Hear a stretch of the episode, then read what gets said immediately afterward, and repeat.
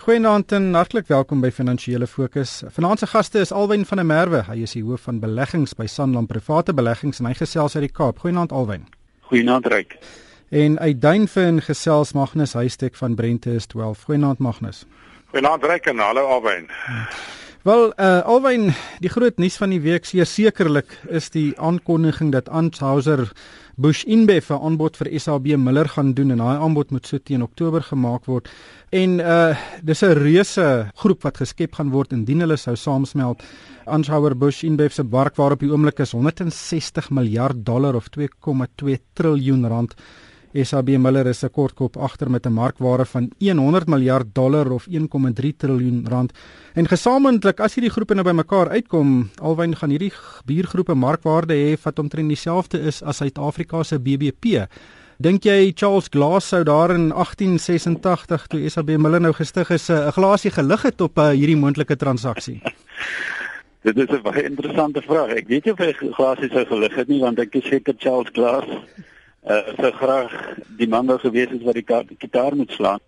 En na hierdie transaksie is ek nie oortuig dat Charles Glass en dit wat van Charles Glass geword het in Suid-Afrika en in die res van die wêreld dat die gitaar deur hulle geslaan geword het, maar dat dit eerder deur Anheuser Busch Indev geslaan geword. Maar nogtans ek dink baie wel op 'n glasie sal lig is Zulu Isa brouwerye um, uitgebrei het oor die laaste aantal jare. Um, ek dink die mark was aanvanklik ryk nie baie of baie skepties gewees toe die transaksie gedoen het in Noord-Amerika en en ek is nog steeds nie oortuig dat daai transaksie baie waarde toegevoeg het nie, maar dit het hulle wel toegang gegee tot internasionale markte en dit kom van hulle transaksies wat hulle daarna gedoen het was beslis baie suksesvol en waarde toegevoeg tot aandeelhouers kapitaal.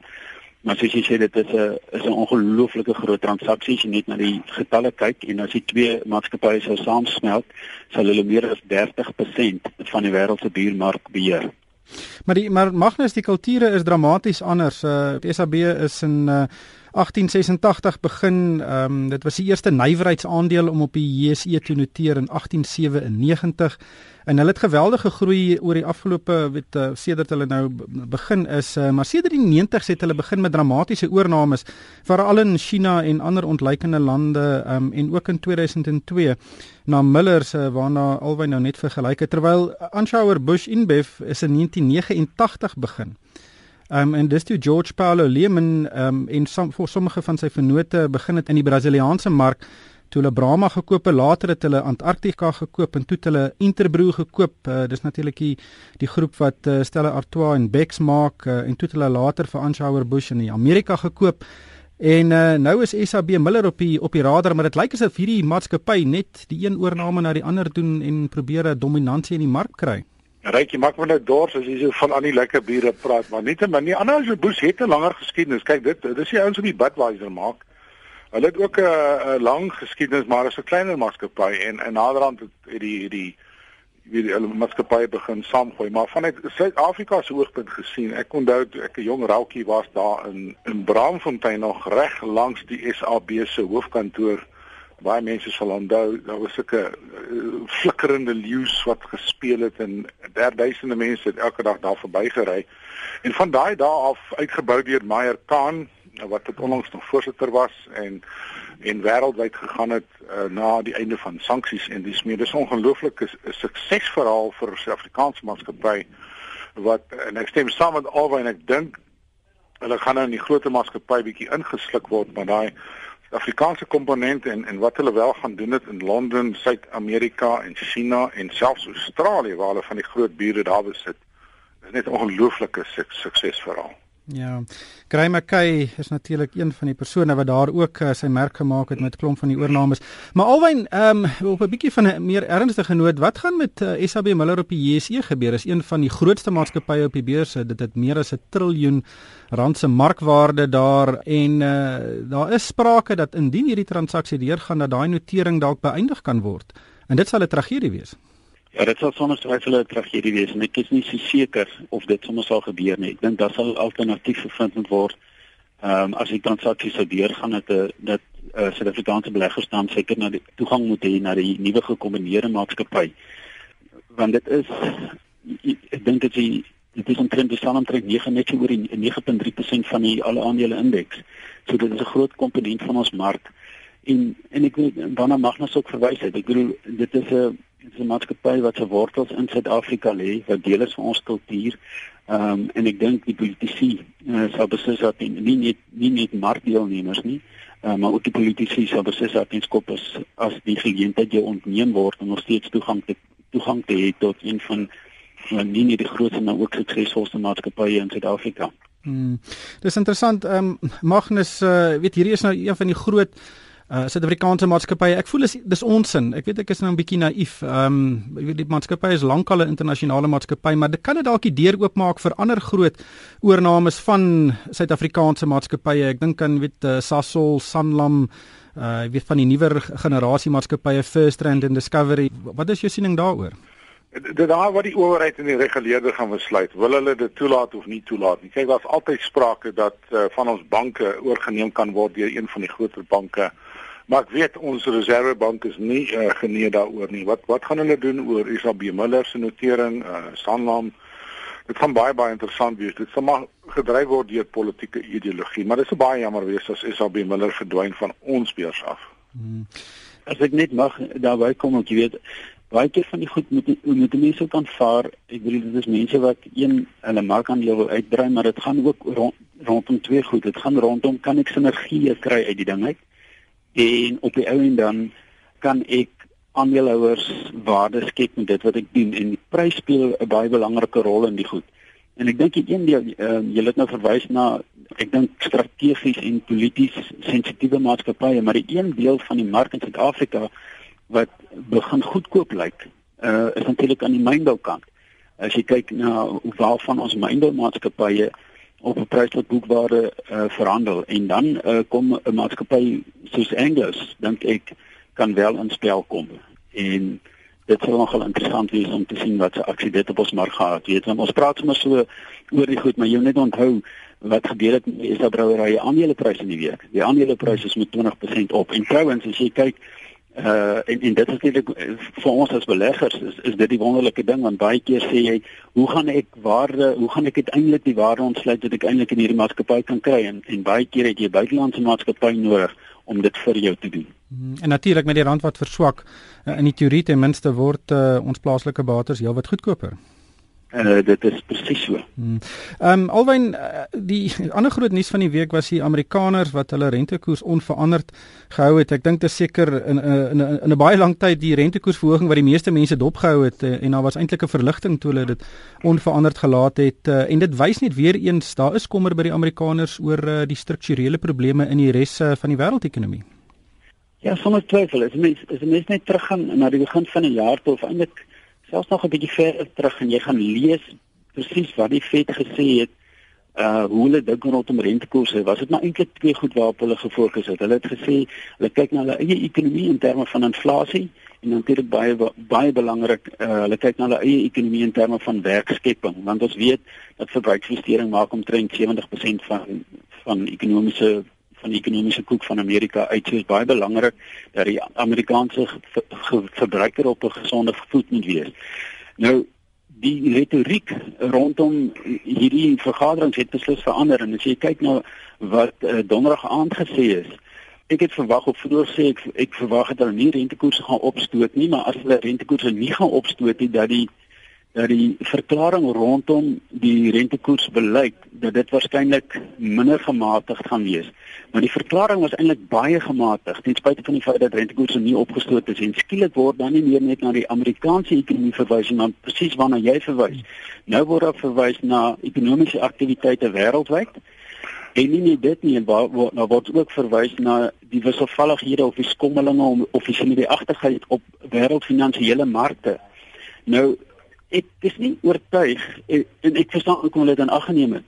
Maar ons moet een ding onthou waarvan markte hou is sekerheid en ek dink uh, die Fed het nog altyd baie goed gedoen om baie akkuraat te kommunikeer rondom hulle rondom hulle beleidsbenadering. Hmm. En skielik is nou 'n paar ander beleidsveranderings of 'n paar veranderlikes in hierdie beleidsverklaring wat die ding nie meer so klinkklaar maak nie en, en jy kan sien dis interessante market die Amerikaanse market versterk aanvanklik ja. en daarna het hy so van 4% gesluit so soos hulle die nuus verteer het.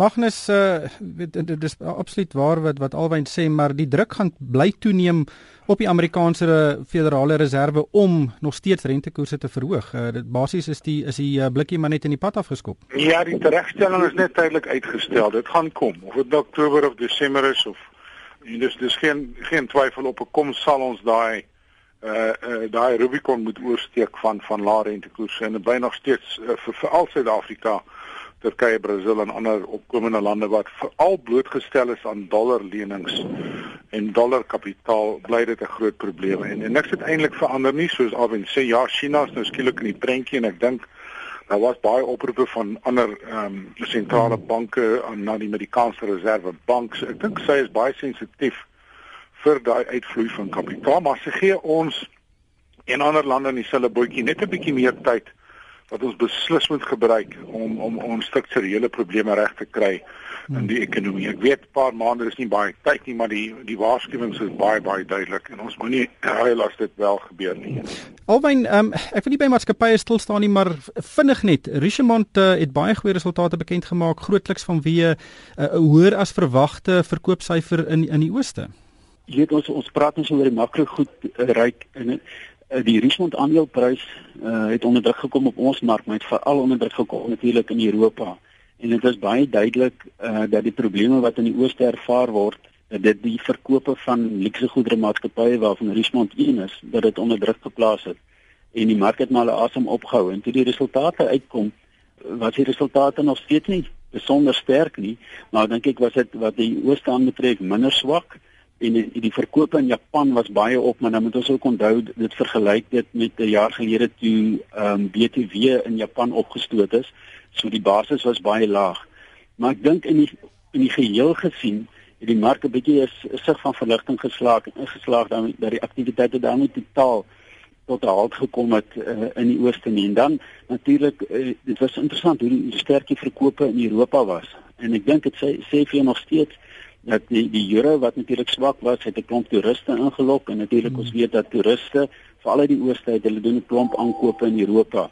En ehm um, en en en dit het beslis vir Richmond bevoordeel. So in die geheel gesien dink ek kan Richmond baie gemaklik voel en ek dink die ander ding in die resultate wat baie duidelik is uh, ook is dat die maatskappy baie goed bestuur word vanuit 'n koste oogpunt. So ek dink wat die wat wat die wins aanbetref kan ons dalk 'n bietjie beter wins verwag oor 'n jaar se tyd as wat die mark aanvanklik verwag het. Magnus net laastens uh, dit het ook aan die lig gekom dat Koos Becker ehm um, verlede jaar so 11,7 miljoen van sy Naspers aandele verkoop het uh, en hy kon enigiets tussen 11,5 miljard rand en 21 miljard rand daarvoor gekry het. Hy moet natuurlik nog vir die aandele betaal. Ek dink daai koste is net oor die 2 miljard rand en dan moet hy ook nog so effens belasting betaal op hierdie hele storie. Maar dit wys net hy het 'n baie interessante aandelestruktuur gehad. Hy het nooit 'n kontant salaris ontvang nie. Hy het altyd aandele ontvang in plaas van 'n van 'n vergoedingspakket en hierdie hy het die vrugte gepluk van die ware wat hy tot Nasvers gevoeg het. Ja natuurlik, dit was jou skoop geweest soos hulle sê, uh, ryk wel gedaan op Moneyweb, maar ja, die die die die die, die Koos Becker storie, almal in die beleggingswêreld weet al vir baie jare presies uh wat aan die gang is dat hy nie vir 'n salaris gewerk het nie, maar hy het gesê ek sal vir opsies werk en wat gekoppel is aan prestasie en ook natuurlik markkapitalisasie en ek dink nie hy het in sy wildste drome kon droom 20 jaar gelede dat sy aandele 20 30 miljard rand werd sal wees nie maar dit was die transaksie wat hy met Naspers gesluit het Onthou net Magnus hy het in, in met die .com borrel wat gebars het in in 2000 en 2001 het sy aandele opsies was basies op daai stadium ehm um, waardeloos. Hulle was waardeloos. 2001 2002 kon jy nog Naspers aandele kry teen ek dink R7 'n aandeel. Hulle het te vingers verbrand in 'n paar projekte maar natuurlik het hulle betrokke geraak by 10 sent en weet vandag praat ons van 'n enorme maatskappy. So ja, wel gedaan. Laat jy weet entrepreneurs moet vergoed word en en ek het geen probleem nie. Dit is 'n klomp geld. Maar soos ons sê, well done. Ja. Alwyn, hoeveel uitvoerende hoofde in die wêreld uh, gebruik hierdie tipe struktuur? Ja, ek ek weet nie, maar ek dink dit is ehm um, ek dink dit is uh, nie meer so ongewoon om dit te sien nie. Uh, ek dink dat daar's hier wat mense maar ek, ek moet vir jou sê ehm um, ek spandeer so 'n bietjie meer tyd in die VS op die oomblik en binne in die finansiële sektor in die in in Engeland kan ek vir sê is is daar 'n uh, is daar 'n allergie by die reguleerders vir hierdie buitensporige pakkette uh wat onder andere mense in die finansiële sektor kry na die krisis van 2007 2000 2008.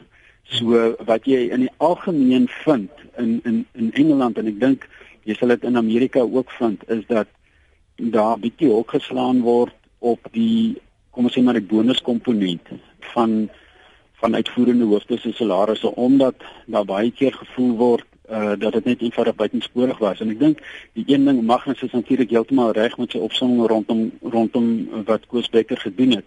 Maar ek dink die een ding wat mense moet onthou dat baie van hierdie uitvoerende hoofde hulle eie kapitaal sit nie daarin nie so is nie dat hulle risiko loop met hulle eie kapitaal nie. Baie keer hier in Suid-Afrika veral as die eh, as die maatskappy sy wortels het by 'n familie moet jy onthou dat daai familie se geld was op risiko gewees ja. en ek dink verdien daai mense eenvoudig soos ons in Engels sê die upside, maar baie van die uitvoerende hoofde is blootbetaalde amptenaar en hy verkoop sy arbeid en sy kundigheid en sy skills en en, en uiteindelik kom kapitaalhouers op kapitaalwaarde toe te voeg. Maar ek dink uh, mense moet die ding ook in verband bring met die hoeveelheid risiko wat hy aangaan voordat jy hierdie absolute buitensporige pakkette kry.